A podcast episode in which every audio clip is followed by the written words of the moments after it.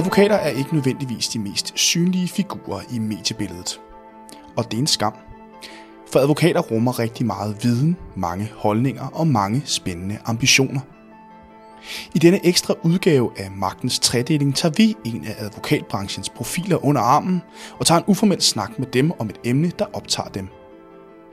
Velkommen til dette reportageformat, som vi har valgt at kalde Advokaten Udenfor.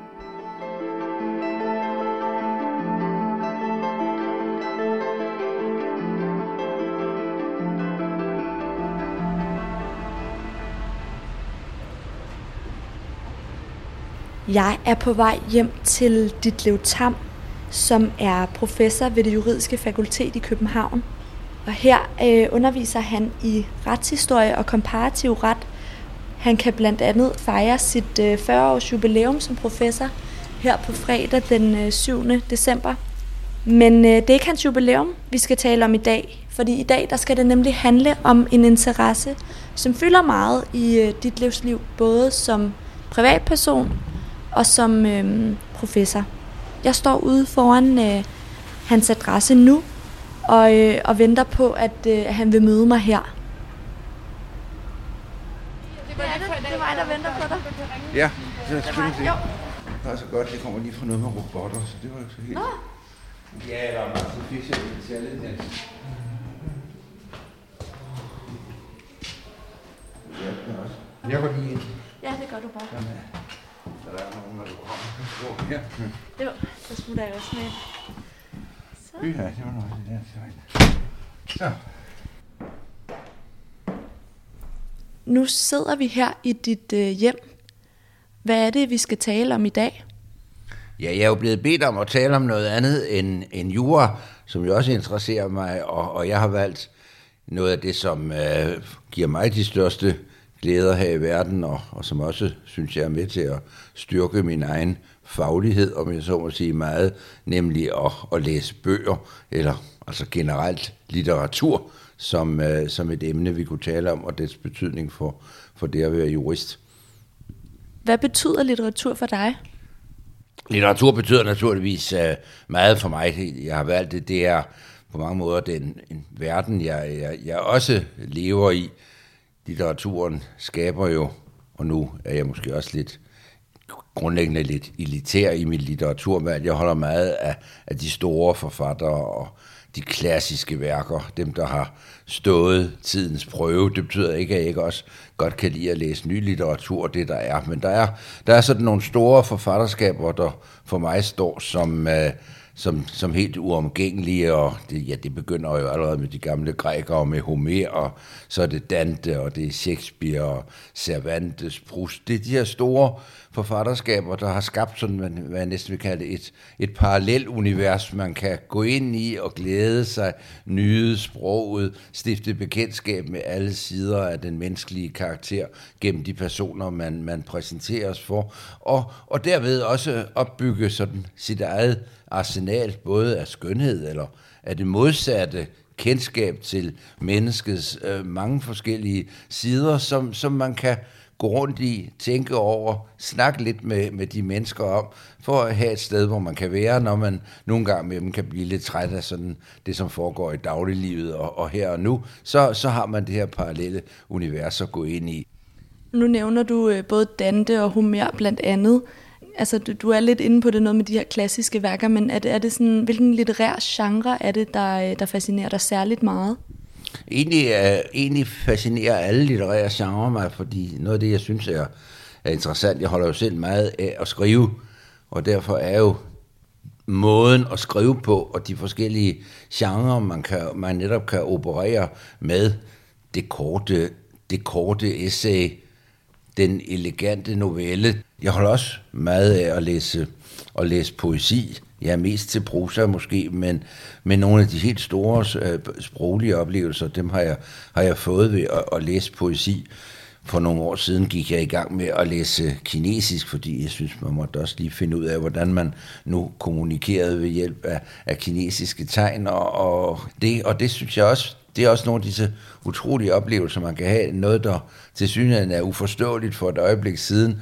Nu har man pludselig lært det, og så står der den vidunderligste poesi, skrevet øh, med nogle tegn, som man ikke kunne læse for nogle måneder siden, men øh, nu pludselig så, øh, så, så oplever man menneskelige følelser og naturbeskrivelse i, øh, på den måde. Altså denne måde, hvorpå man med, med ord, med bogstaver, med tegn kan, kan skabe et, et helt univers, det fascinerer mig utrolig meget. Nu nævnte du, at du selv skriver. Hvad er det, du skriver? Ja, nu er jeg jo juridisk forfatter, men også en slags forfatter. Jeg har jo blandt andet skrevet nu om, øh, om Borges, men grundlæggende skriver jeg jo inden for, for mit øh, fagområde, som er, er retshistorien, og har skrevet en del om juraen, om juraens historie, men øh, jo også skrevet om, om mange andre emner, som interesserer mig. Politisk biografi har været et af dem. Jeg har skrevet om teater og skrevet om, om ballet, jeg synes, det er en god måde at lære noget på. Hvis man ikke ved noget med det emne, så kan det ofte være en god måde at lære det på, og sætte sig for at, at skrive en bog om det. Så bliver man da selv klogere, og så kan man jo håbe på, at dem, der læser det, hvis der er sådan nogen, at de også bliver det. Går du så op i måden, du skriver det på? Man kan sige på den måde, at øh, som, altså som alle jurister, der, der øh, på et tidspunkt fandt ud af, at man gerne ville gøre en videnskabelig karriere, så, så skrev jeg jo nogle artikler og skrev en disputats, og, og de bøger var jo skrevet, sådan som man nu skriver videnskabelige værker, altså i et bestemt sprog og efter en bestemt skabelon og med et øh, bestemt niveau af, af noter og hvad der ellers øh, skulle til. Og, og sådan skrev jeg egentlig en del år, men så på et tidspunkt, og, og det var så, mens jeg var, der var, jeg var selv i, i 30'erne, altså vi er tilbage i omkring 1980, kort før, der blev jeg så spurgt, om jeg ville skrive en bog om, om, om retsopgøret efter besættelsen, og det gjorde jeg jo også.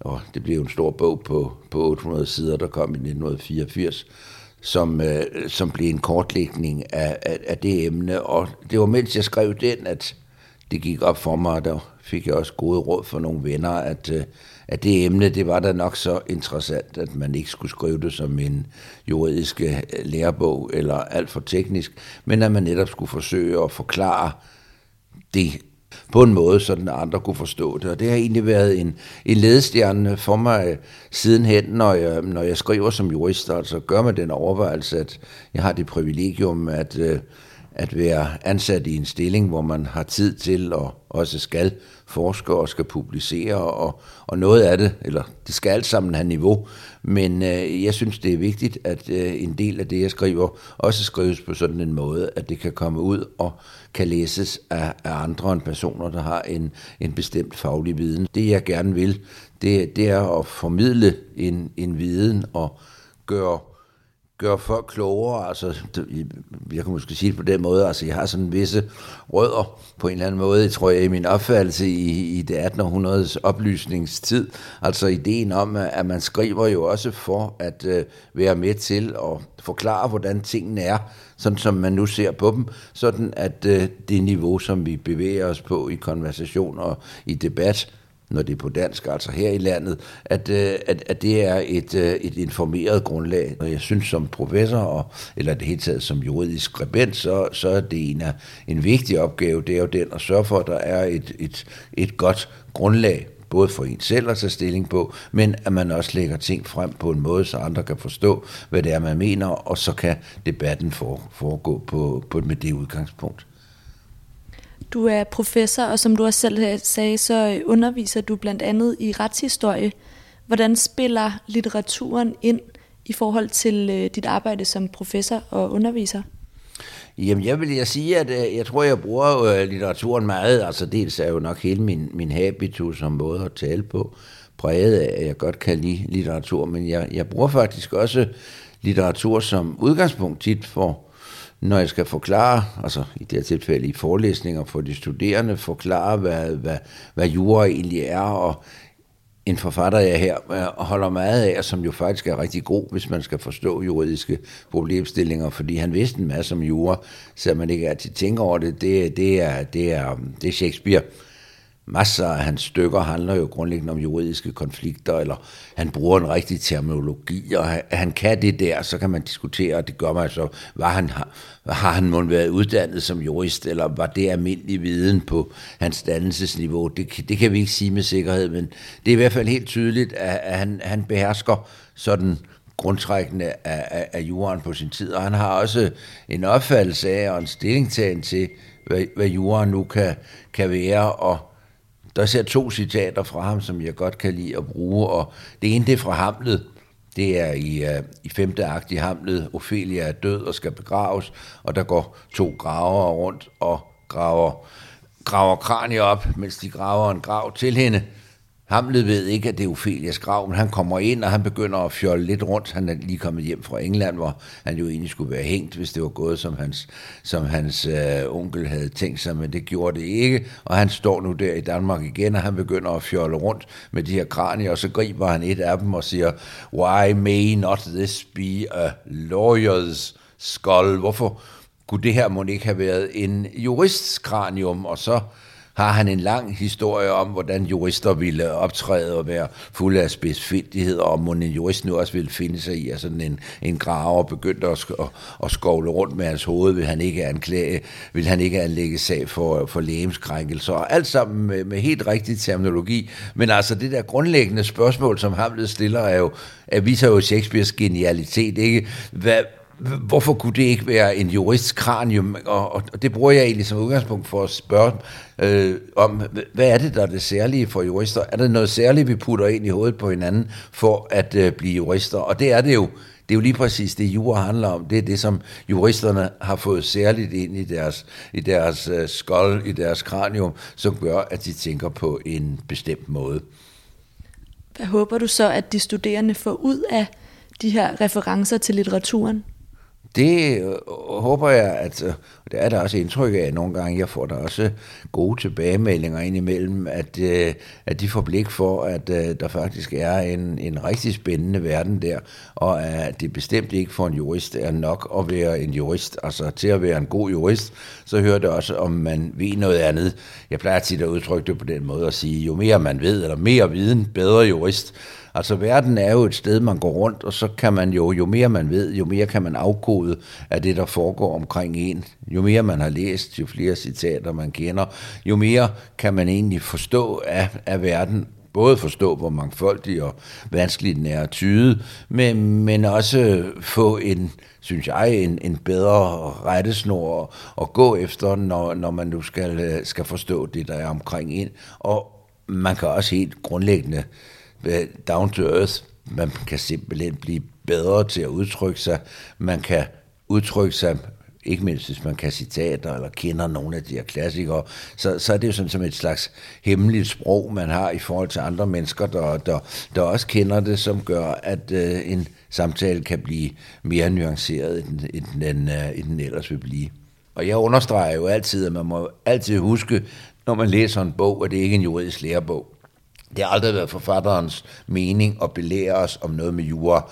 Det, som litteraturen her belærer os om, det er, at der bag det, og det er jo det, vi som jurister gerne skal være gode til. Vi skal gerne være gode til at finde det juridiske spørgsmål og kunne analysere det, og netop skære alle udenværkerne væk og holde os til, til det juridiske handlede den pågældende i kulpa eller ej, ikke sandt?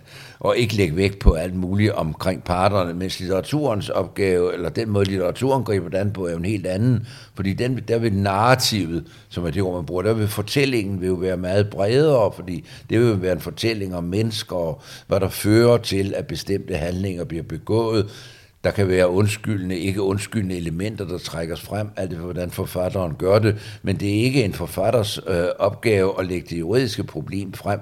Det er en forfatters opgave, eller forfatter har ikke opgave, forfatter skaber kunst. Men det forfatteren gør, er, at han skildrer et, et meget, meget større univers, som vi også godt kan lære af, når vi bliver jurist, øh, som jurister at forstå, og der synes jeg igen, det at læse bøger er en god ting. Det giver en større menneskelighed, at, at man forstår, at man jo egentlig bare sidder med en lille faglig del af, af noget, som er, er meget, meget større og meget, meget mere kompliceret. Nu sidder jeg og kigger rundt, og jeg kan se, at der er en masse bøger, både til højre og til venstre. Øhm, jeg tænkte på, om du måske har lyst til at øh, vise nogle af dem frem, og fortælle om noget af det, du har på, øh, på hylderne. Vi kan da godt lige gå ud og kigge. Det er jo ikke noget stort bibliotek på den måde, men det er mest de... Hvilken side skal vi til? Jeg havde, Tænker du? Jeg havde engang et meget større. Altså, nu synes jeg jo ellers, øh, det er en, øh, du har en bogreol, der fylder fra, øh, Ja. fra gulv til loft. Jo, men altså det er det, jeg har stående her. Altså jeg har, har delt det i to. Jeg har mit arbejdsværelse, og der har jeg jura, og det meste af min historie, og så har jeg en enkelt stue også, hvor, hvor der står reoler, og det er først og fremmest litteratur. Og der, hvis man kigger på det, så vil man jo kunne se, hvad det er for netop afspejler, at der er nogle bestemte forfatterskaber, jeg holder utrolig meget af. Jeg har Dantes guddommelige komedie stående i forskellige udgaver, både på dansk og på italiensk, fordi det, Kan du italiensk? det var jo, ja, ja, nu bor jeg jo på Dantes plads, Ja. så var det man jo et skarn, hvis man ikke, kan, hvis man ikke kunne læse Dante.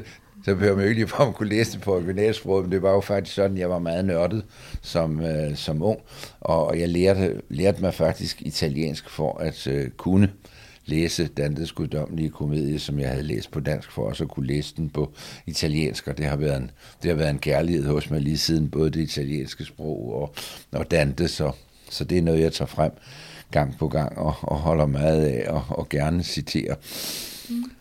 Og hvad, er, der, er der ellers andet? Øh, Ja, så har jeg, et eller jo, andet? har jeg jo naturligvis også... Øh, har si- Platon også. Ja, Platon. Jeg har, ja, den anden del af reolen herover, det, det er jo så meget filosofiens klassikere. Og jeg kan se, at øh, Shakespeare har fået plads på øverste hylde. Nej, anden øverste hylde. Ja. Der er i hvert fald noget Shakespeare. Ja, der står... Og så har du også øh, Jacob Ejers bog, kan jeg se. Ja, Øh, ja. ja. altså det, man, der, er der, der skriver, han skriver jo også godt. Ja, Så der, der, der er lidt af hvert. Jo, men der Murakami skal... har du også, kan jeg se. Murakami er, Ja. er, er jeg faktisk meget begejstret for at have været.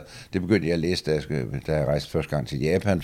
Nu er der, øh, altså når jeg kigger rundt, der er, der er en del forskelligt, men hvis du nu skulle komme med en anbefaling i forhold til øh, en bog, hvad skulle det så være? Nu har jeg jo sådan nævnt Dante nogle gange, og det, det, det, det, det, der er det jo så heldigt, at, at øh, Dante faktisk foreligger på dansk i en ret ny og udmærket oversættelse. Så hvis man nu har lyst til lige at kigge på Dante, så er det en mulighed. Men ellers vil jeg jo måske nok være den, der siger, læs Shakespeare, ikke? og bliv ved med det, og læs det alt sammen. Fordi øh, det, det, der har man den der virkelig menneskelige dybde. Der er jo alligevel en forskel på middelaldermennesket Dante og hans måde at skildre mennesker på, og så når vi kommer op til Shakespeare, hvor, hvor, hvor det er mennesker af, af, af kød og blod, som vi, kan, som, vi kan, som vi kan forholde os til.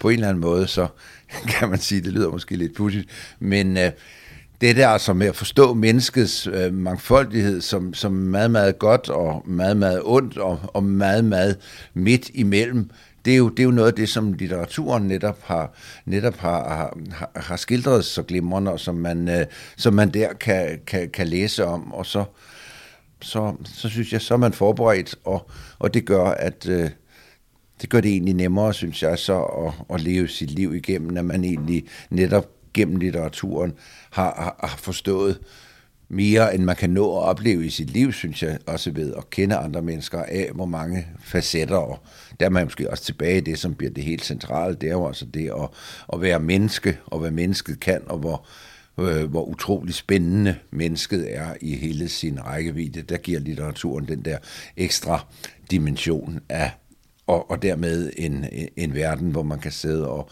og nyde det for sig selv, rendyrket, uden at det lige går ud over en, som det jo nogle gange kan gøre i den rigtige verden.